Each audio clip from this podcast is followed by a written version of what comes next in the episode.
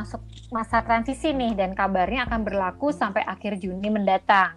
Pemda DKI udah mengizinkan beberapa ruang publik untuk dibuka seperti mall, perpustakaan, tempat ibadah dengan memperlakukan protokol kesehatan yang sangat ketat. Gue sih kayaknya belum berani untuk pergi ke tempat publik dalam jangka waktu yang lama. Ke pasar aja sebisa mungkin 30 menit udah keluar lagi. Kalau lo gimana, Gue sih nggak seberani lo ya. Gue sih belanja kalau bisa online atau maksa apa maksimal tuh gue keluar 30 hari sekali lah gitu. Tapi soalnya gue nggak parno hmm. juga tapi lebih kayak melindungi diri gitu eh ini kenapa langsung laporan uh, soal okay. transisi ya kita sapa dulu dong teman-teman kita anak-anak girls ini Jessica Ruli kata girls Jessica ya. Selasa nyambung ke yang tadi nih uh, yang PSBB uh, udah usai di Jakarta dan dilanjutkan dengan masa transisi. Gue sih sebenarnya setuju. Kayaknya kita ini udah kelamaan di rumah ya, udah uh, megar. Dan sekarang dan bisa dibilang setidaknya 11 minggu tuh udah di rumah aja itu kelihatan dari episode kita loh. Hmm. Ini kita episode ke-11. Jadi kita tuh mulai dari awal ketika yeah. PSBB diberlakukan. Teman-teman sendiri gimana? Udah mulai hmm. ngantor setiap hari uh, per kemarin ya, hari Senin atau masih working from yeah. home uh -huh. sampai waktu yang nggak ditentukan? Kalau gue denger dari temen gue sih uh, udah mulai ngantor kayak biasa gitu. Uh, mungkin masih ada yang tim A, tim B gitu. Tapi sebenarnya secara nggak langsung juga kita udah masuk ke new normal. Walau pemerintah bilangnya uh, apa namanya usai PSBB baru masuk new normal, Eh tapi bentar sebelum panjang-panjang coba Kakak Ruli jelasin dulu deh new, new normal tuh apa sih ribet ya? Iya, new normal ya kalau gue baca di kompas.com tanggal mm -hmm. 26 Mei, uh, Ketua Tim Pakar Gugus Tugas Percepatan Penang Penanganan COVID-19, Wiku Adi Sasmita, mendefinisikan new normal sebagai perubahan perilaku untuk tetap menjalankan aktivitas normal namun dengan ditambah menerapkan protokol kesehatan untuk mencegah terjadinya penularan COVID-19. Menurut dia nih, prinsip utama dari new normal itu sendiri adalah menyesuaikan dengan pola hidup. Secara sosial, kita mengalami sesuatu new normal, yaitu kita harus beradaptasi dengan beraktivitas dan bekerja, dan dengan cara mengurangi kontak fisik dengan orang lain, menghindari kerumunan, serta bekerja bersekolah dari rumah. Nah, sekarang ini kan sebenarnya uh, masa PSBB-nya udah kelar dan beberapa dari kata kita sampai seperti yang tadi lo bilang itu kan sudah mulai ngantor nih. Dan beberapa sih tadi gue ke Diamond uh, Kelapa Gading itu udah ada masa yang bawa anak kecil gitu bawa ngemol. Gue bilang lu kayak nggak tahan nah lu ngapain? ya, ayo. Gitu ya. eh gue kan belanja beras habis. Gimana dong aduh terus terus? Tapi ya emang harusnya sih ya emang kalaupun emang terpaksa kayak gue tadi ya tetap sih uh, kita pun harusnya udah mulai terbiasa jaga jarak ya kan pakai masker boleh juga pakai face shield kalau gue personally sih kayaknya gue nggak tega loh gue jalan-jalan ke mana hmm. pakai facial kayaknya lebay gitu ya dan itu ya sekarang kayaknya protokolnya tuh emang harus cuci tangan hmm. sering-sering hmm. uh, sebelum ke mana aja dan ya pakai sabun gitu sih ya menurut gue new normal kita udah berlaku sebenarnya sebelum psbb tapi sebenarnya ya sebagai uh, hmm. uh, apa masyarakat pelindung alis on point ya gue sih setuju loh sama si facial itu. Alis kita tuh bisa terlindung kok dari segala macam gangguan. Oh, gitu. aduh ya oke okay, notit lah soal si new normal itu. Walaupun sebenarnya ya kalau dibilang persiapan new normal gue agak wondering juga lah ini kita selama 80 hari sekian ini tuh bukannya kayak udah jadi suatu kenormalan baru ya? Kayak kita kan nggak pernah loh hmm. kerja di rumah apa terus belajar dari rumah terus yeah. sekarang live ya kan semua orang hmm. di mana-mana live Instagram terus yeah. streaming uh, for everything hmm. gitu nah balik lagi ke soal yeah. tata cara hidup yeah. baru wah tata cara hidup baru ini kayak pertobatan ya gue tuh lihat di sosmed tuh kayak banyak infografis yang kasih info tentang perlengkapan wajib yang mesti dibawa selama masa new, new normal ya seperti helm pribadi nah ini laki gue udah pesen di Tokped terus hand sanitizer, botol okay. minum, tempat bekal, apalagi alat makan, tisu basah kering, masker uh, sama stoknya gitu. Terus alat alat untuk iya. nekan yeah. lift. Eh ini ada loh di seperti biasa di Tokped. Pokoknya banyak banget. Lu duta Tokped ya. Jangan-jangan ya. Semoga ada yang dengar. Nah, karena nyinggung kita nyinggung soal new normal, gue juga jadi penasaran sama teman-teman yang kemarin sempat banting setir alih profesi nih, atau gara-gara masa karantina hmm. jadi menemukan bakat baru. Seperti yang kita obrolin di podcast episode 5 kemarin loh Rul tentang quarantine got talent iya, selama yeah, yeah, PSBB. Yeah, yeah. Uh, uh, nah, begitu masuk ke new normal yeah, nih yeah, kembali ke profesi asal atau malah mendalami bakat baru gitu atau justru melepaskan profesi gitu karena udah keburu di rumah kan iya sih gimana gimana? Iya sih benar-benar ya for some reason kan banting setir seperti yang lo bilang tadi merupakan salah satu mekanisme di antara kita untuk hmm. bertahan hidup kan misalnya ketika gaji kita dipotong gitu kan yang tadinya ngerasa cukup dengan satu sumber penghasilan jadi nggak bisa. Istri yang tadinya ibu rumah tangga ya ter, ya kemudian membantu menjual masakan rumahan dan suami bantu promosi kan karena jaringan suami lebih besar. Hal-hal seperti itulah yang uh, banyak dilakukan ya kalau gue lihat di Instagram. Kalau misalnya nggak punya skill atau minim modal di medsos tuh banyak banget tawaran untuk jadi reseller atau hmm. dropshipper yang membantu untuk menambah penghasilan jadi kita sempat bahas juga tuh di episode 6 balada kelas menengah yang tiba-tiba semua orang hmm. jualan gitu ya. Karena memang juga untuk bertahan kan ya udahlah, gue sih nggak masalah. Nah, tapi emang nyambung ke pertanyaan lo tadi sih Jess, ketika new normal berlaku, masih mungkin nggak nih untuk kembali ke profesi sebelumnya? apalagi misalnya sudah banyak sekali yang terjadi perubahan di dalam bisnis kan. Misalnya eh, kita yang dulu berjaya di bisnis traveling dan IO sekarang beneran masih mengubah cara bisnis loh karena belum ada kebijakan khusus nih untuk bagian traveling. Hmm. IO sendiri juga gue rasa sih agak sulit ya karena kan sekarang kalau nggak salah nggak boleh ngumpul lebih dari 10 yeah. orang gitu. Nah pertanyaan lebih besarnya lagi adalah ketika kita terpaksa membuang tanda kutip ya jati diri kita mampu nggak kita kembali lagi ke sana atau memang sebaiknya kita menemukan jati diri jati diri yang baru di era new normal oh, ini mungkin kayak gitu ya, kayak lo tuh ya lo kan juragan pempek nih ya yang pempek anak kantin. Nah begitu lo berhasil dagang pempek, tuh lo mau tetap setia jadi akhirnya lo oke okay nih pempek gue seriusin atau gue mau jadi konten creator nih. eh tapi sebelum lo jawab, lo udah tau jawabannya dong. Oh belum kan gak boleh jawab ya? Ntar aja jawabnya. Nah sebelum lo jawab, gue mau nanya-nanya juga dengan teman kita Rima Olivia, Personal Excellence Trainer, ABN LP Trainer, uh, juga owner dari Daya Guna Consulting. Oh ya, Rima ini adalah hmm. mentor hmm. bisnis Kanakata. Jadi, halo Kakak Rima. Dia belum ngomong ya. Kakak Rima ini aja boleh menemukan DNA atau ngasih kita suntikan energi dan keberanian untuk punya mimpi gede nggak cuma punya mimpi gede, hmm. bela belajar juga ngasih target fantastis buat diri sendiri. Hmm. Nah, Kak Rima apa kabar? Hmm. Baik sekali. Udah kelihatan ya, ya titik terangnya new normal? Uh, sudah kalau gue sih. uh, tuh kayaknya lemes ya, lemes. Ini Kak Rima ini kayaknya udah kelelahan, Rul. Kebanyakan Zoom meeting, Google iya. Meet. Ya terus apa lagi deh ya kan belum yang curhat-curhat gitu walaupun di rumah tetap padat ya sih begitulah. Gue terlalu cepat belajar kayaknya ya. Oh ya selalu melampaui ya melampaui zamannya. Advance. Oke okay, nih Rim karena kita waktu juga terbatas, gue mau hmm. nanya dulu nih, kalau misalnya semasa karantina, orang kan ada tadi, ya kan ya beberapa terpaksa beralih ke haluan. Sebenarnya ini bahaya nggak sih buat perkembangan karir atau bisnis hmm. atau image atau karakter hmm. kita? Gimana, Rin? Gue nggak suka kata-kata bahaya ya, karena kenyataannya tuh hmm. ini nggak berbahaya gitu. Ini semacam persepsi kita aja sehingga uh, lo hmm. perlu memilih point of view lo terhadap situasi yang saat ini kita hadapi kenyataannya dari 11 minggu yang lalu sampai sekarang kita tetap hidup dalam kondisi yang sangat baik-baik saja. Semua yang kita alami paling tidak di antara kita ya.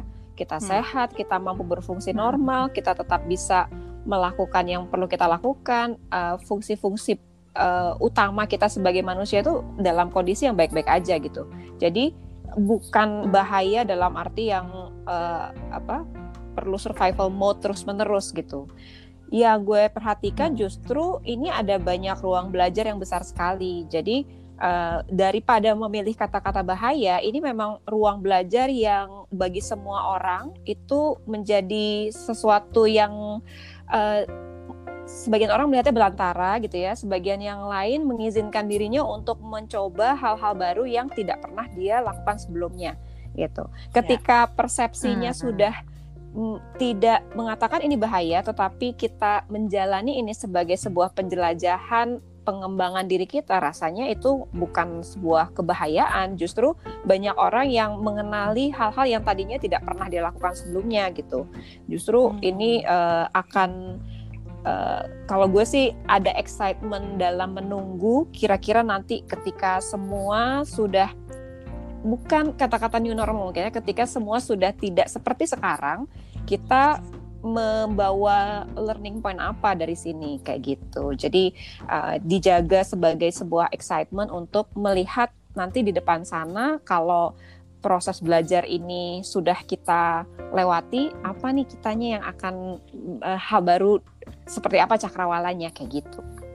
Oh, hmm. eh, itu menarik loh. Hmm. Maksudnya kayak tadi kan Rima poinnya hmm. adalah lo tuh kayak apa uh, melakukan hal-hal yang nggak pernah lo lakukan sebe yes. sebelumnya. Hmm. Jadi lo kayaknya lo expanding your uh, lo menjadi lebih luas ya. Gitu. Betul, gitu. iya karena hmm. menurut gue misalnya lo uh, lakukan apa yang lo lakukan, lo mungkin hmm. pada beberapa hal kita tidak tidak berjualan, maksudnya tidak yeah. bekerja seperti biasa, tapi hmm. kok ternyata gue bisa ya jualan kayak gini uh, jualan PMP eh ternyata kalau jadi reseller tuh nggak terlalu seaneh yang gue bayangkan kok ternyata hmm. bisa multitasking segini banyak dan uh, memulangkan ART kemudian nggak punya supir ternyata bisa ya gitu itu kan hmm. memang proses yang sangat terpaksa di awal tetapi setelah beberapa minggu itu berlalu kita membuktikan pada diri kita sendiri dan undeniable untuk menemukan bahwa yang tadinya kita pikir cannot live with that ternyata bisa tuh mm -hmm. gitu. Nah, itu justru uh, hal yang sebetulnya diterima sebagai pembelajaran gitu.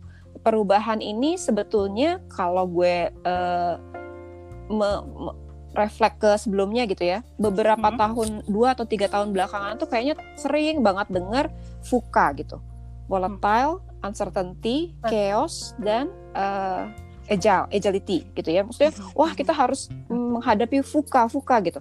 Mm-hmm. Apa sih fuka sebenarnya perubahan yang eksponensial gitu? Itu uh, kayak overused word gitu di di dalam uh, dunia dunia lo. Iya, pengembangan diri yang menghadapi uh, fuka-fuka itu gitu.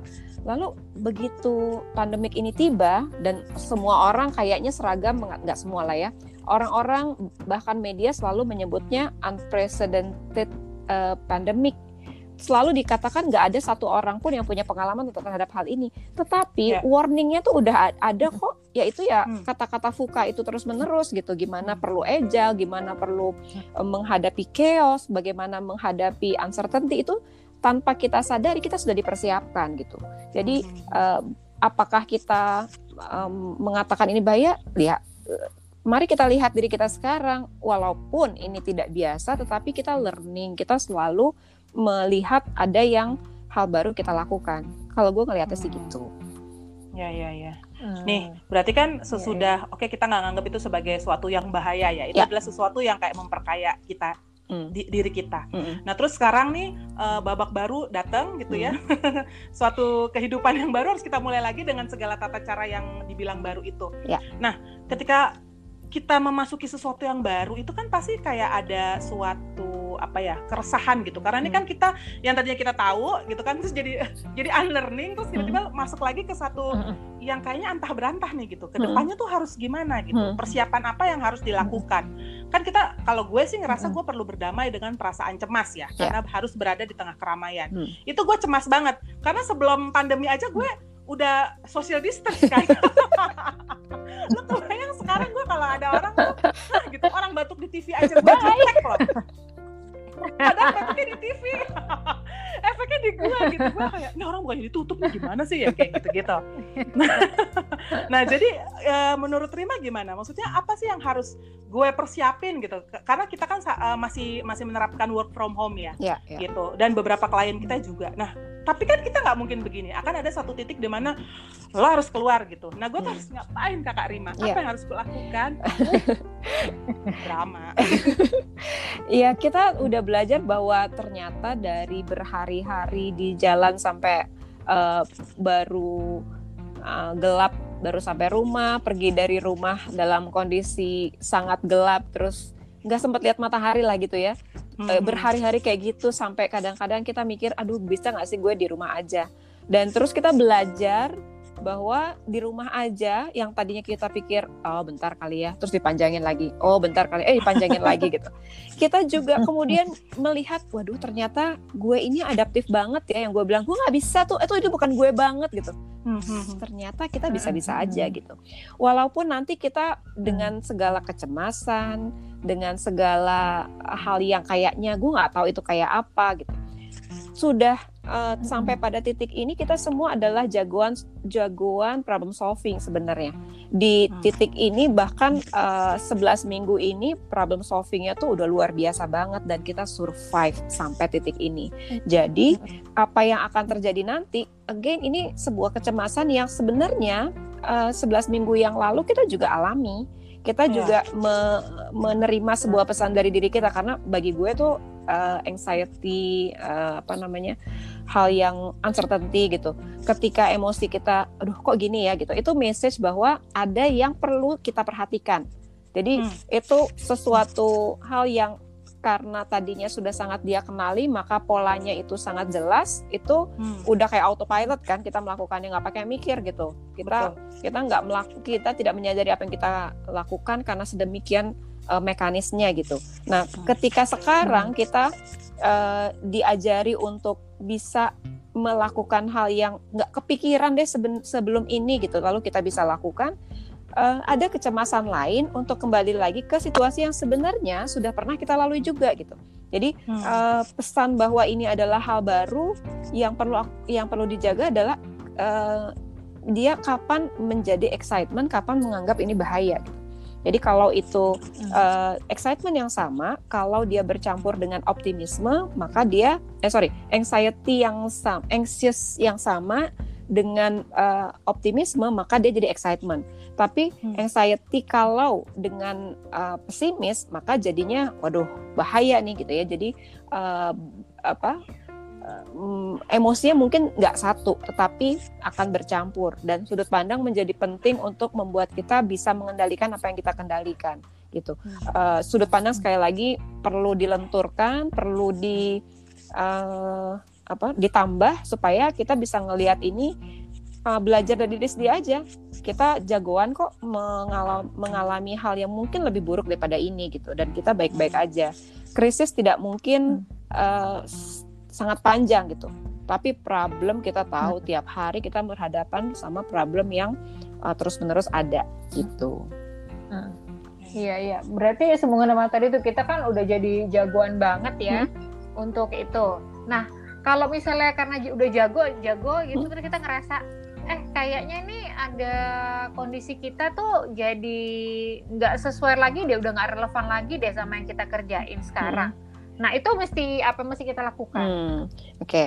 itu um, berarti fungsi refleksinya yang belum baik kita uh, lakukan gitu. Barangkali kita uh, terlalu repot pada menjalankan survival mode-nya sedemikian fokus hmm. gue mesti ngapain gue mesti ngapain nih sehingga kita ya. lupa dengan inner dialogue pada diri kita sendiri karena yang paling membahagiakan seseorang tuh adalah ketika dia melakukan sesuatu yang paling meaningful buat dia yang paling meaningful buat dia itu hmm. apa yang paling relate sama value-nya apa yang paling dia anggap penting hmm. bagi hidupnya gitu dan itu uh, menetap jadi nggak mungkin gara-gara krisis uh, apa wah gue udah totally bukan gue gitu. Enggak, itu itu menetap kok. Cuman dalam fase yang menetap tuh bukan berarti nggak berubah sama sekali ya, tapi ada sebuah benang merah yang sama, satu value yang sudah terkristalisasi dalam hidup lo karena pengalaman hidup yang sudah demikian lama dan terkristalisasi dan kemudian itu menjadi energi internal motivation yang membuat lo melakukan apa yang lo lakukan hingga titik ini gitu. Ketika lo hmm. pada saat survival mode ini melakukan uh, jualan masker, jualan hand sanitizer, menjadi uh, apa namanya reseller ini itu, itu uh, memperkaya aja menurut gue. Maksudnya uh, saat ini hmm. ini bisa jadi cara untuk mempertahankan penghasilan, membuat kita jadi bermakna juga karena to some extent ini membantu sebagian orang yang memang sangat membutuhkannya. Kemudian kita melakukan mengalihkan kecemasan itu ke energi yang produktif, ke hal yang baik yang memang akan pasti berdampak ke kita dan ke dia di, di antara uh, situasi yang tak tertebak ini ada sesuatu yang meaningful yang bisa gue lakukan dan itu hmm. membuat perasaan kita menjadi lebih baik gitu ya jadi ya, ya. pada titik ini sebenarnya ketika kita melakukan apa yang bisa kita lakukan itu sudah udah proteksi diri yang luar biasa buat diri kita yang membuat kita uh, tidak kehilangan diri sebenarnya. Nah, setelah cukup lama, ini pertanyaan uh, keren banget ya. Banyak yang kayak misalnya apa gue abis ini jualan spray aja nggak usah uh, apa hmm. jadi penjualan sembako gitu ya, nggak usah hmm. gitu gitu. Pivot ya. Iya. uh, kalau gue ngelihat masih masih sangat yakin gitu ya sebuah panggilan jiwa itu adalah panggilan jiwa gitu. Dia nggak akan berubah karena misalnya uh, tutup begitu saja gitu. Dia akan mencari bentuknya barangkali. Dia akan mencari uh, metodenya. Tapi kalau tujuannya, kalau memang dia diciptakan untuk melakukan tugas itu di dalam hidupnya dan itu yang paling bisa melakukan adalah dia, itu akan kembali ke dia dan caranya aja mungkin yang akan menjadi sangat berbeda gitu. Kalau seorang uh, pemilik usaha traveling yang sudah sangat uh, banyak jaringannya, kemudian kayaknya jam terbangnya udah luar biasa banget gitu ya. Kalaupun ini sudah nggak ada lagi, lalu dia kembali, uh, ini nggak kalau aku melihat ini bukan bukan fase krisis ini bukan uh, waste gitu, tapi ini sejumlah pembelajaran yang kemudian akan bertransformasi untuk memperkaya dia next akan jadi kayak gimana. Belajar dari uh, hal ini yang yang paling sederhana kalau traveling itu mungkin bisnisnya banyak sekali faktor gitu. Hal ini selama 11 minggu ini ngajarin orang kayak gue apa coba? Pentingnya nabung gitu kalau gue, gue tuh kadang-kadang apa namanya mm, men, uh, small small wins buat gue, mencelebrate buat diri sendiri gitu ya. Ah uh, belilah lipstick hmm. satu gitu ya, yang warnanya udah punya sih tapi pengen aja gitu ya. Kayaknya uh, itu hmm. apa platform yang lo tadi sebut-sebut tuh Jess itu juga membuat gue menghadiahi diri sendiri. Gue capek nih, jadi pulang ngajar gitu ya malam uh, jam 8 jam 9 ngelihat ah, warna inilah satu, ah nggak apa-apa gitu ya. Itu kan kayaknya uh, menghadiahi hmm, diri apa -apa. sendiri berhak gitu kan. Betul. Tapi sebenarnya kalau dihitung kita ini nggak baik, nggak baik nih pertemanan boros, bukan pertemanan sehat. Tapi kan kayak merasa aduh lelah ini perlu segera dipulihkan, uh, terus nggak apa-apa dong kayak gitu. Itu yang sebenarnya membuat kita merevaluasi diri dong. Tahu-tahu ngelihat nih sekarang gue kagak ke mana-mana, bertumpuk-tumpuk hmm. lipstick dengan segala warna nude yang cuma beda-beda tipis gitu kan akhirnya itu nggak ada yang marahin tapi kita sendiri juga merasa iya ya sepatu kenapa buat sebanyak ini sih? Gitu. Kenapa harus kayak hmm, gini? hmm. dan kita diajari oleh diri kita sendiri bahwa si ternyata penting dan uh, apa namanya pengen itu beda Terus uh, banyak orang yang jadi belajar declutter dengan yang apa udah bercita-cita melakukan konmari entah kapan akhirnya okay. benar-benar kesampaian gitu. Itu kan sebuah pembelajaran luar biasa hingga kemudian ketika nanti dia tiba banyak hal yang sebenarnya sudah udah tinggal dipetik-petik gitu. Dan kalau dia hmm. memperlakukan eh, masa-masa uh, ini sebagai sebuah proses pembelajaran itu pasti kaya banget. Dia akan menjadi makhluk baru gitu nantinya. Dengan hmm. uh, panggilan jiwa yang akan membuat dia jadi banyak hal yang nggak bakal jatuh dua kali kan gitu. Maksudnya kalau iya, iya penting ya ternyata untuk financial plan itu at least lo enam bulan atau bahkan kalau bisa 12 bulan punya uh, kestabilan itu ya, akan keren banget. Nah itu yang akan bikin kita jadi better new me dong gitu. Abis dari hmm. sini uh, kan kita belajar dari pengalaman sebelumnya. Maka betul. bisa bisa lebih kokoh langkahnya karena dia udah belajar dari dirinya sendiri gitu. Iya. jadi banyak hal yang ini ini ini benar banget loh. Jadi kayak kalau gue sendiri sih ngerasa dulu hmm. tuh gue suka uh, kita suka janjian sama orang tuh kayak ah ntar deh besok besok juga bisa gitu. Gitu. Nah tapi begitu sekarang gue nggak bisa ketemu temen-temen gue lagi terus gue jadi berasa ih pentingnya lo untuk komit gitu ya terhadap suatu janji gitu. Hmm. Terus kayak ada hal yang dulu gue anggap sepele gitu, ah, ntar gampang-gampang gitu. Tapi begitu pandemi ini kayak mengajarkan kita bahwa ya itu lo nggak boleh lo tunda-tunda gitu, hmm. ya kan. Hmm. Nih, tapi tadi ngomong-ngomong di clutter, uh, mohon maaf Karima itu abis ngedengerin podcast kita ya, yang judulnya sedikit. minimalism ya. Kan aku harus belajar dari yang sebelumnya agar tidak terlalu jomplang ya kan? Eh tapi kan tadi kan Karina kan uh, Karima kan ngomongin soal uh, anxiety segala macem gitu. Kan nggak bohong nih pasti kita semua itu masuk ke masa-masa yaitu tadi ya naik turun. Mm-hmm. dan yang gue pelajari ternyata anxiety memang datangnya bagai gelombang ya. Iya. Bagai gelombang. Jadi kayak hari ini gue mood besok gue bisa jatuh sejatuh jatuhnya gitu. Terus mm-hmm. besok semangat lagi besoknya lagi pesimis sampai ke dasar bumi yang kayak gitu-gitu. Jadi kayaknya gue ngerasa di satu sisi di dalam tuh kayak berantakan gitu. Hmm. apa ya nggak sih? Kayak acak-acakan gitu. Nih kayak udah di diserang oleh berbagai uh, emosi seperti itu gitu. Hmm. nah terus ya nggak nggak sedikit juga mungkin yang ngerasa loss gitu hmm. mungkin di luar sana temen karena kata dia ngerasa loss hmm. ngerasa kehilangan jangkar gitu hmm. nah terus gimana hmm. cara mereka itu untuk kembali apa ya kembali puguh gitu kembali oke okay, hmm. gue harus uh, start over gitu kalau dia harus start over atau gue harus uh, oke okay, kita masuk lagi nih ke yang kemarin udah gue tinggalkan hmm. sekarang gue masuk lagi dengan mata yang baru gitu hmm. nah gitu gimana kak Rima? Iya. Uh, nggak ada yang mengharuskan orang untuk sebuah metode kembali ke dunia barunya nanti itu dengan cara tertentu. Semua orang punya caranya masing-masing. Jadi kalau yang gue uh, apa agak melihat nih uh, apa udah ngapain aja rebahan udah apa aja berubah gitu ya itu hmm. mungkin buat yang masih tetap bisa menjaga produktivitasnya kayak Ruli kayak Jesse bisa berbuat sesuatu gitu ya. Itu pertanyaan yang akan memotivating gitu yang oh ya abis ini kita bikin apa ya ya? Abis ini kita ngapain Jess? Kayak gitu itu itu oke okay, gitu. Tapi ada sebagian orang yang bener-bener buat survive aja tuh udah bagus banget gitu.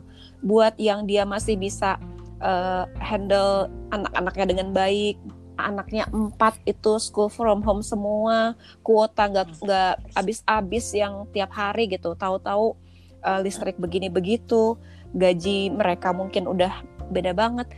Kita um, bagaimana caranya mengajarkan kepada mereka bahwa lo sebaiknya gini aja gitu. Untuk menghandle yang kekacauan itu saja yang kalau kita mungkin ngalaminnya ups and downs di dalam diri gitu ya. Tapi ini jelas-jelas di depan matanya uh, ya stop dirumahkan terus apa gitu. Itu itu uh, kalau gue tidak tidak tega untuk mengatakan lo sebaiknya begini gitu. Justru sebagian orang memang perlu ditemani untuk melalui itu bahwa kita nggak sendirian gitu. Jadi uh, untuk mengharuskan uh, seseorang atau uh, kita lah gitu sebaiknya kayak gini atau kayak gitu, gue nggak berani karena gue nggak tahu apa yang yang kemudian dia perlu Mereka handle. Alami. Iya, dan itu bisa pahit banget, bisa kita tidak terbayangkan walaupun mereka kelihatannya di rumah yang kelas menengah, yang uh, utuh gitu ya secara fisik harusnya baik-baik aja gitu, tapi mengalami goncangan yang luar biasa juga dan keberanian harga diri kayak uh, gue nggak bisa makan, tagihan gue tuh begini gitu, itu kan uh, sesuatu yang kita belum tentu juga bisa handle kalau itu terjadi dalam diri kita gitu. Jadi mesti kayak hmm. gimana? Uh, kalau gue pikir kita memang perlu menyelamatkan diri kita kepada hal-hal yang bisa kita lakukan. Fokuslah kepada apa yang saat ini mendesak untuk bisa kita kendalikan. Uh, kalau kita berkeluarga, maka yang paling uh, fokus tentunya orang yang bergantung sama kita, anak-anak misalnya. Kemudian siapa yang selama ini bergantung hidupnya sama kita, anak buah kita kah? Keluarga kita yang hmm. um, punya sangkut paut sama kita gitu. Apa yang bisa dihandle apa yang bisa dilakukan itu uh, paling enggak beres dulu fungsi-fungsi utamanya. Bisa sekolah bisa kerja dan sebagainya. Lalu tentang uh, bagaimana kita menjalani um, life mission secara um, meaningful purpose kita tuh kayak apa dia akan terus menerus memanggil kita kok sepanjang hmm. kita kemudian juga melakukan uh, hal-hal yang sedang dipanggil nih buat kita yang ke kesekarangan ini hmm. apa ya ke, ke oh, kekinian kayaknya hmm. enggak ya tapi kesekarang ini maksudnya yang immediate banget harus kita respons gitu kayak hmm. apa menghandle uh, siapa yang paling bergantung sama kita gitu uh, bagi gue itu hmm. yang duluan karena message anxiety itu sebenarnya uh, tanda bahwa ada sesuatu yang harus lo protect gitu jadi kalau hmm. kenapa kita cemas? Karena ada sebuah bahaya yang kalau kita nggak handle itu membahayakan diri atau keselamatan atau uh, ego kita gitu. Ego ini bukan hmm. dalam bentuk negatif ya. Ego tuh uh, struktur kepribadian utuhnya manusia itu ya menjadi kokoh karena ada dirinya gitu. Yang yang perlu melakukan pengambilan keputusan dan sebagainya yang dalam dirinya uh, perlu dia protek kayak gitu. Jadi uh, dia dia buat buat sebagian orang yang uh, tidak semewah kita punya kemampuan untuk merefleksikan hal ini secara jernih gitu barangkali mereka memang perlu go with the flow aja dulu hingga kemudian mm. uh, ketika sekeliling kita pun sudah mulai membaik maka uh, itu yang kita perlu sama-sama reach out juga gitu uh, untuk mm. yang sekarang ini banyak juga yang belum bahkan mengakui sama dirinya bahwa uh, gue capek gitu gue nggak tahu mesti kayak gimana gitu dan yeah. Ya. uh, sebagian orang uh, memperlihatkan dirinya gue baik-baik aja membuat dia semakin kok dia bisa produktif gitu bisa begini dan begitu sementara gue hmm. kok enggak ya gitu Hmm. Gitu, Jess. Berarti memang uh, kuncinya tuh lebih ke mengubah sudut pandang itu dan lebih ke berdamai pada diri sendiri ya. Maksudnya kemudian hmm. relevansi untuk kembali kepada profesi yang hmm. lama atau tidak itu kemudian menjadi tidak tidak begitu penting lagi ya karena kan kalau kalau tadi misalnya gue dengar dari itu lebih kayak bagaimana lo bisa kemudian menyemangati diri lo sendiri hmm untuk terus menemukan apa ya semangat lo sendiri sehingga pada akhirnya apa pun nanti yang lo akan lakukan akan kembali lagi. Sebenarnya itulah kayak uh, eh, DNA lo sendiri lah yang bergerak gitu ya iya. energi lo sendiri lah kalau gue gitu ya. iya kalau gue yakin begitu. Jadi ada nih kalau gue pakai bahasanya NLP ya uh, yang paling pertama yang paling uh, reaktif itu manusia uh, dia ngelihat lingkungannya tuh kayak apa. Wah kok kayak gini ya? Gue harus berespons apa gitu. Itu uh, level keduanya. Terus setelah di level keduanya dia kemudian berpikir uh, cara berpikir seperti apa yang perlu gue uh, lakukan uh, thinking capabilities apa yang perlu gue miliki untuk menghadapi apa yang gue hadapi. Di atas itu lagi hmm. udah uh, belief, udah mindset, udah cara berpikir hmm. yang membuat dia bisa melakukan apa yang saat ini penting baginya gitu. Jadi bukan yang harus dilakukan ya, hmm. ya, tapi penting baginya. Penting tuh ada uh, relate-nya sama uh, value, sama yang hmm. paling uh, tinggi. Kemudian ada identity. Hmm. Ini gue banget nih gitu. Kalau ini gue gak, hmm. gue ngerasa paling ngeflow, paling effortless ngelakuinnya orang biasanya juga nanya-nanya sama gue dalam hal ini karena gue so good in doing that gitu. Jadi itu part of identity. Sehingga kemudian dia hmm. ngerasa bahwa ada something spiritual kayak kalau kayak Rumi tuh ngomongnya hatiku bernyanyi ketika aku melakukannya gitu ya. Itu tuh berarti spiritual hmm. meaning banget dia melakukan sesuatu yang sifatnya tuh kayak uh, sangat apa ya? sangat soulful gitu bagi dia. Nah, itu tuh hmm. kalau dalam kondisi yang paling normal katakan katakan normal itu berarti bukan dalam kondisi yang saat ini sedang kita hadapi itu mungkin lagi hmm. lagi utuh banget lagi align banget nah hmm. saat hmm. ini ketika kita bereaksi terhadap hal-hal yang tidak biasa kita hadapi mungkin ada yang melebar ada thinking capabilities yang kemudian tereksplor dan hmm. membuat hmm. dia uh, beliefnya mungkin ada yang berubah gitu sehingga ketika si orang yang sama ini masuk ke dalam situasi yang juga berubah nanti uh, makanya gue bilang tadi ada yang menetap kok dalam dirinya kita nggak mungkin hmm. uh, apa yeah. jadi tahu-tahu orang yang totally langsung ambiar gitu. hilang iya. gitu ya enggak. kita iya, pasti iya. ada jejak-jejak yang sudah ditinggalkan oleh pembelajaran yang sudah kita alami dari peristiwa demi peristiwa sebelumnya gitu hingga kemudian membuat kita jadi hmm. kita yang baru itu adapun ada hmm. sebagian orang yang kemudian karirnya berubah gitu ya itu pilihan menurut yeah. gue itu nggak apa-apa hmm. banget juga kalau misalnya dia belajar bahwa waduh ternyata bertanggung jawab pada sekian ribu orang untuk bikin uh, makanan dan sekarang harus ditutup itu ada pain yang dia rasain kok gue uh, kayak gini banget gitu jadi misalnya dia ada guilt yang dia rasain gara-gara pengambilan keputusan bisnis ya sehingga harus menutup bisnisnya uh, selama-lamanya gitu. Kemudian dia belajar dari situ kayaknya ini bukan gue deh gitu.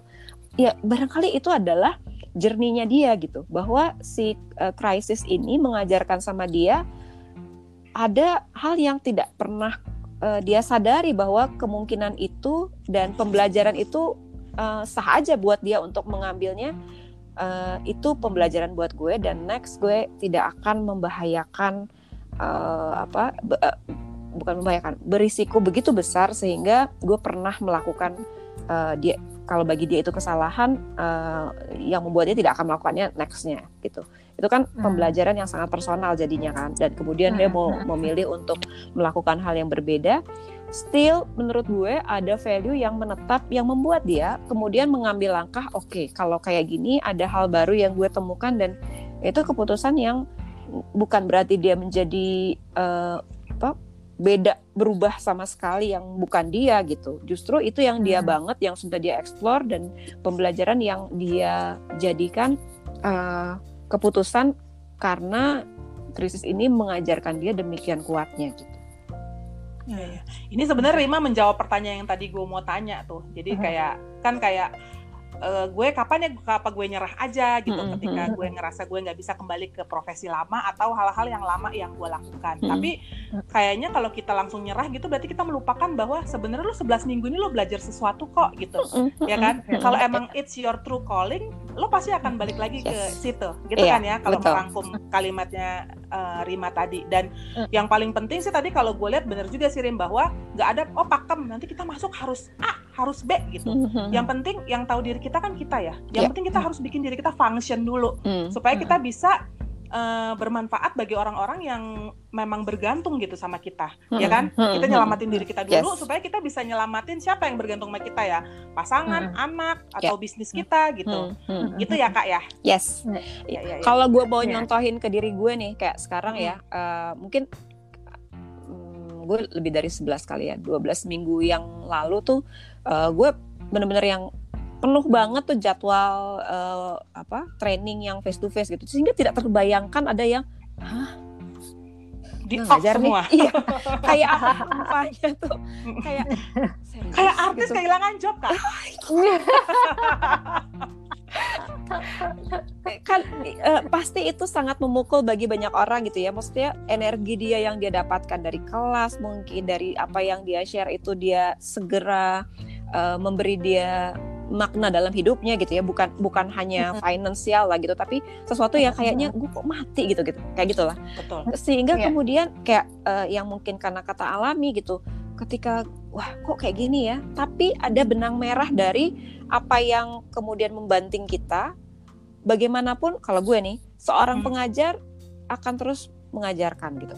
Seorang pengajar akan terus punya sesuatu untuk diajari gitu. Selamanya dia akan perlu um, menyampaikan message yang perlu dia sampaikan kepada siapa pun yang mau diajarin. Dan bagi kata-kata misalnya kekuatannya di kata-kata sehingga barangkali ini berubah bentuk aja. Untuk saat ini kita melakukan hal yang tadinya kita nggak pernah ada dalam bisnis plan kita. Nggak ada tuh podcast nggak ada tuh bahwa ini adalah lini bisnis yang sebenarnya bisa di uh, monetize nantinya gitu. Ada uh, lini bisnis yang sebenarnya menjadi uh, jalan atau pintu yang ternyata membesarkan kata-kata someday gitu.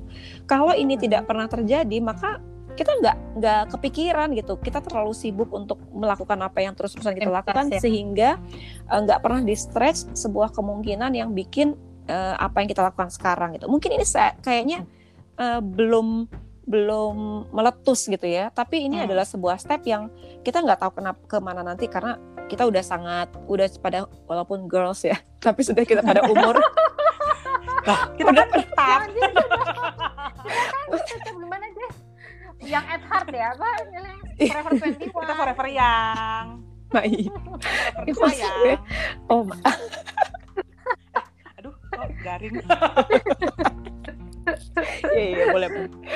Uh, maksudnya kita udah yeah, terlalu sering membuktikan bahwa oh ternyata ini tuh puzzle besar yang adalah ini gitu. Yeah. Sampai kita akan ngomong tentang hal ini gitu, tentang hmm. percakapan yang uh, berusaha memaknai krisis yang terjadi dan kemudian oh yang kita lakukan pada waktu itu ternyata membawa kita pada sebuah uh, jalan Depan. yang uh, ini jadi jadi sesuatu hmm. banget dan oh hmm. kenapa itu harus terjadi karena kita akan diperkenalkan akan dibawa ke titik yang itu nggak akan kebuka kalau gue gitu-gitu aja dulu yeah, iya, gitu. Yeah, yeah. Betul betul. Kalau kata mamah yang suka dakwah di TV ya, huh? selalu ada uh, hikmah dan Iya kan?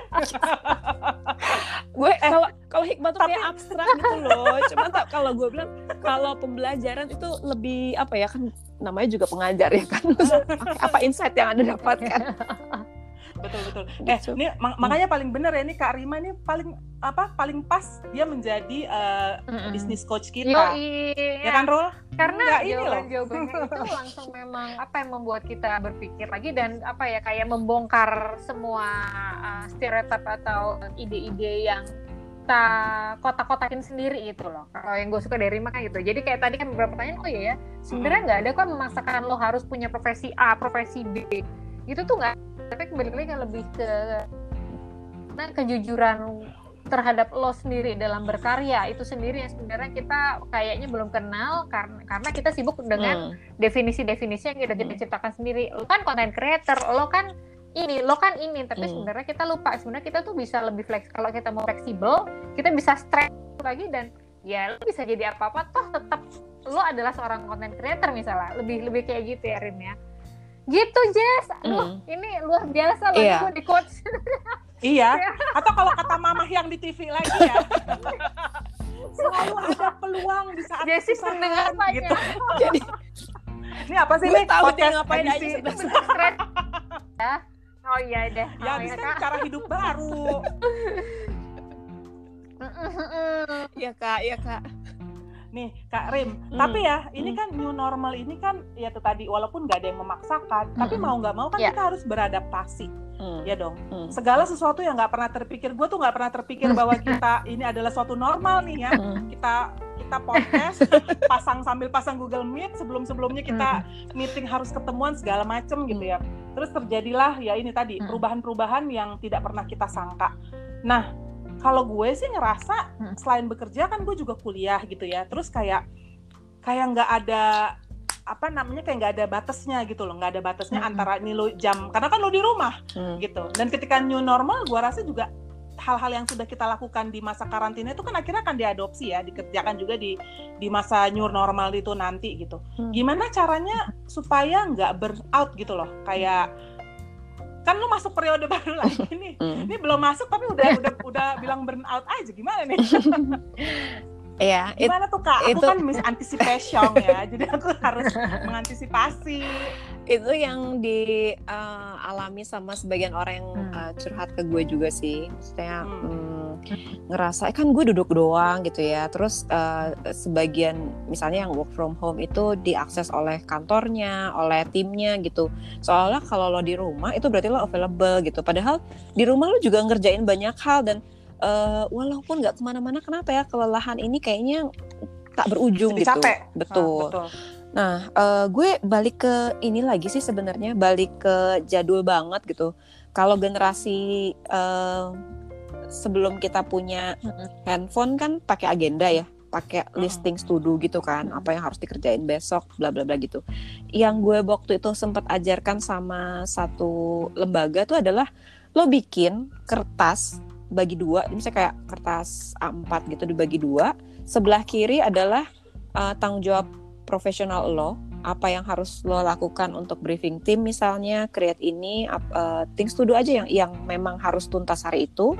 Kemudian di sebelah kanannya adalah things to do lo sebagai personal, sebagai ibu, sebagai uh, ayah, sebagai anak gitu ya, apa nyuci uh, bayar ini, ngajarin anak, apalah pun yang yang sebenarnya uh, perlu lakukan gitu.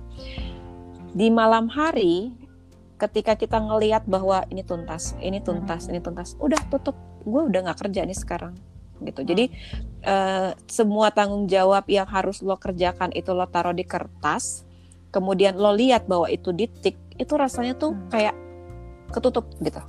Ada satu oh. tanda kepada diri kita bahwa energinya hmm. tuh udah nggak menganga terus gitu. Karena dia udah selesai untuk hari itu. Gue tidak mengizinkan diri gue untuk ngeliat lagi tak udah selesai jadi hmm. pas tidur kita utuh gue mau relax dan bangun tuh lebih segar apa PR-nya orang-orang yang tidak melakukan itu itu kayak nggak selesai-selesai gitu masih ada lagi masih ada lagi masih ada lagi sehingga malam masih walaupun dia di rumah tapi ini hmm. belum aduh itu cucian belum gue jemur. Padahal lagi ada deadline yang dia kontak orang gitu. Terus campur-campur kan antara dua hal itu. Terus pas lagi bangun ah, capek banget ya kok bangunnya nggak segar gitu. Karena tidurnya mikir dan yang dia pikirin itu nggak nggak ketemu tempatnya gitu nggak nggak ketemu wadahnya di kepala dia. Maka working memory-nya itu perlu diajari untuk ada tempatnya. Kalau gue secara sangat sederhana itu lo bagi dua aja. Kalau misalnya mau agak keren sedikit ya pakai post it yang beda kan sebagian yeah. orang tuh kalau bikin things to do pakai post it ya. Mesti kerjain itu sekarang gitu. Yang warna A buat profesional, buat uh, warna B itu hmm. untuk hal yang memang lo harus lakukan gitu. Supaya kita nggak kemudian mencerca diri kita ketika aduh belum ngepel ibu macam apa lah gue ini tadi hmm. dia nanya PR gue nggak nggak jawab gitu dan aduh aku belum ngelap koleksi berlian aku ibu kaya problemnya beda Baik. Tuh sampai Rima lupa. Rima sampai speechless. Aduh, aduh lost yeah. Yeah, yeah, Maksud gue, uh, lo taruh itu semuanya, kemudian lo bikin bahwa itu tuntas, itu rasanya beda deh. Maksudnya uh, sense of accomplishment tuh benar-benar bikin kita ngerasa I'm happy with myself. Gue udah kerjain ini, udah kerjain ini. Oh ini ada dua yang belum. Oke, okay, itu buat besok. Dah selesai. Jadi uh, yang ini uh, gue nggak nggak lakuin ini sih. Gue cuma berhenti pada hmm. uh, gue ngelihat bahwa itu belum selesai gitu ya. Tapi hmm. uh, gue tahu bahwa itu akan berpindah buat buat list, list things to the besok. Maksudnya nggak nggak mesti di kertas A4 sih tapi di uh, agenda atau yang tertulis. Kenapa tertulis? Karena ini aktivitas tangan yang bergerak itu juga uh, mengalirkan apa yang lo uh, perlu salurkan gitu. Nah ketika itu udah selesai, lo bikin sebuah tanda, oke, okay, uh, saya sudah selesai bekerja hmm. itu perlu ditandain hmm. jadi ya, ya. lo tidak ber, secara fisik pulang hmm. dari sebuah kantor ke rumah tapi di kepala lo udah mengatakan kepada otak kepada pikiran kepada hmm. tubuh gue udah berhenti kerja ini gue tutup sekarang gue istirahat karena tubuh gue mem membutuhkan itu hmm. karena pasangan gue membutuhkan kehadiran gue untuk ngobrol karena anak gue pengen di uh, urusin Lo dia uh, pengen dia jawab-jawab yeah. hal-hal yang dia sebelin hari ini misalnya gitu. Jadi kita membuat ruang itu dalam diri kita sendiri di dalam kertas agenda lo yang lo bisa lihat bahwa gue udah tuntas gitu. Jadi bahwa ada tanda saya sudah pulang hmm. itu perlu ada supaya yeah. energinya nggak hmm. nganga terus iya, open yeah, loop yeah. gitu bocor. Oh iya benar-benar. Bocor itu benar, benar. dia akan terus-terus menurut karena kalau sesuatu tuh belum tek duduk gitu ya dia oh, okay. dan itu yang bikin capek gitu. Hmm. Nah ini satu tambahan bagi Mama Rimah mengalami secara langsung. Oke Mak silakan. Soalnya gue tuh secara fisik uh, sebenarnya kan sebelum ini gue hampir tiap hari tuh uh, jalan cepat jogging gitu ya keliling hmm. tiap hari gitu. Nah setelah puasa kan gue uh, nggak maksudnya juga kayak aduh kok jogging pakai masker tuh lebih lelah daripada mm, nggak mm, pakai. Tapi kalau nggak pakai gue mm-hmm. bertanggung jawab sama kedua orang tua gue di rumah yang umurnya 85 80 gue harus sehat dong gitu. Jadi uh, gue nggak nggak terlalu sering keluar. Tapi itu membuat gue lelah sebenarnya. Misalnya gue pengen pengen kembali mm-hmm. ke uh, aktivitas yang sefit itu gitu. Jadi gue merasa kayaknya kalau ini kurang kayak posturnya juga berubah terus uh, duduk lama di depan uh, laptop hmm. terus ngezoom itu kan excited nih jadi nggak merasa perlu berubah posisi kan padahal itu hmm. membahayakan tulang punggung hmm. dan terjadilah keluhan yeah. kayak leher kayak gini gitu kesetrum-setrum gitu rasanya jadi ternyata tubuh kita emang nggak bisa dibohongin bahwa dia butuh ini yang katanya sedentary life itu emang bukan buat kita kita tuh di-create untuk terus-menerus menggunakannya gitu. Jadi stretching, ini belajar lagi bahwa tubuh memang perlu diperhatiin, perlu ada jeda, uh, dikasih uh, gerakan, dikasih uh, apa break untuk menghirup Berasing. udara yang bukan di ruangan uh, kamar atau kerja gitu. Iya, itu uh, haknya dia gitu. Dan kebiasaan-kebiasaan ini ngajarin, oh iya perlu ya, oh iya. Ya uh, dia punya hak untuk dia mm, nggak mm, di ini bukan buat kita kan sebenarnya hmm. maksud terus menerus duduk lama ngelihat kotak begini ini bukan bukan hmm. alamiahnya tubuh kita yeah. melakukan ini gitu hmm, betul Aduh, Kak Karima. Iya, iya, iya. Keren sekali. Emang tuh ya kalau podcast karena kata itu no kaleng-kaleng ya kan? Pembahasannya tuh dalam. Ini siap-siap kita nggak bisa uh, apa di Mungkin akan berikutnya aja gimana, Jess ya? Soalnya tuh bikin babak berikut. Oh ya bikin Uh, bikin babak berikut ya. Soalnya tuh Karima tuh kayak menjawab banget kayak dia tuh tahu ke apa kegalauan kita. Ah. Kalau kemarin tuh galaunya, aduh nih gimana bisa survive nggak? Sekarang Iya. galaunya lebih kayak, aduh nih balik ke new normal, gue bisa survive nggak gitu. Waktu mau mulai galau, begitu Hmm. mau keluar juga galau gitu. Tapi ya gitu ya. Jadi kalau eh, apa namanya, yang penting sih kita tetap harus bisa function gitu. Kita harus kenalin diri kita dulu Hmm. dan nggak perlu takut sama perubahan yang gimana gimana Hmm. karena kan kita memang sangat super adaptif gitu ya Karima ya. Iya. Kalau Gitu. ini kalau misalnya lo Hmm. ngerasa bahwa aduh ntar gue dapet job apa enggak ya misalnya gitu ya. Mm-mm. Itu mungkin ke apa kekhawatiran paling primitif yang nggak semua orang Mm-mm. eh, bersedia mengakuinya gitu. Kita tuh sering lupa bahwa kita kan nggak kita di titik ini tuh nggak pernah sendirian gitu untuk sampai di sini. Kita Hmm. ada di sini sekarang adalah karena kita pernah membantu seseorang untuk melakukan sesuatu. Pun yang kita lakukan sekarang adalah bantuan dari orang lain untuk kita sampai pada titik ini. Jadi ketika lo khawatir ada nggak ya nanti yang kasih gue project, dia pun mungkin berpikir ada nggak ya yang ntar bisa gue bantu gue untuk melakukan hal ini gitu. Jadi Hmm. Eh, kayak si ngajar dan pengajar itu tadi gitu. Misalnya gue worry gitu, kok nggak ada yang bisa gue ajarin. Sementara di luar sana ada yang mikir, ada nggak ya yang bisa ngajarin gue A atau B gitu. Kalau kita Ya, cuman ya. mikirnya gue doang, itu tuh kayak kita melupakan bahwa kita di dunia ini kan selalu dalam apa Iya, iya. eh, terkoneksi gitu. Iya, Oh. terkoneksi yang eh, apa yang ya kayak gini aja, apa yang kita makan nggak kita tanam sendiri, dia nggak kita tahu tadinya di apa di Cianjur, apa di Bogor, apa di mana gitu, tahu dia datang gitu. Itu kan kerjasama dari sekian banyak orang gitu, yang juga mungkin saat ini sama cemasnya sama kita gitu, karena kita menghadapi hal ini secara bersama-sama. Dan nanti ketika kita masuk ke eh, momen baru itu, mereka pun dengan harapan yang sama ingin eh, semuanya jadi lebih baik sepanjang kita memang ngambil pembelajaran dari masa ini gitu. Jadi no worries lah kalau menurut gue semua semua karya kita akan menanti untuk sampai pada yang perlu menikmatinya dan orang yang eh, apa sedang menunggu-nunggu itu pun sedang menunggu-nunggu ini eh, pekerjaan semacam ini Hmm. perlu gue sampaikan kepada orang yang kayak gimana ya gitu. Ini terus-terusan kok kita tektok di di dunia ini gitu. Jangan pernah ketakutan kerjaan kalau lo memang bekerja untuk purpose-nya lo. Memang ya, ngobrol sama Rima ini tuh nggak pernah nggak dalam dan nggak berisi. Sama berisinya sama podcast Karena Kata Girls nih, yang nggak pernah asal bikin. Soalnya pembahasannya selalu Hmm. mendalam, ya kan? Dan gue yakin banget Betul. Ini tuh mengena di hati kita semua. Cie. Terima kasih ya Rima udah kasih kita semua kisi-kisi tentang bagaimana menjalani new normal. Pokoknya kecuali yang berurusan sama protokol kesehatan, nggak usah deh terlalu banyak khawatir ini itu karena sesungguhnya memang nggak ada pakem yang baku tentang bagaimana kita berfungsi kembali. Jadi kita mari sama-sama kita luaskan diri dan percaya aja bahwa eh, apa yang harus kita kerjakan pada akhirnya akan menemukan jalan-jalannya kembali ke kita. Setuju nggak Rul?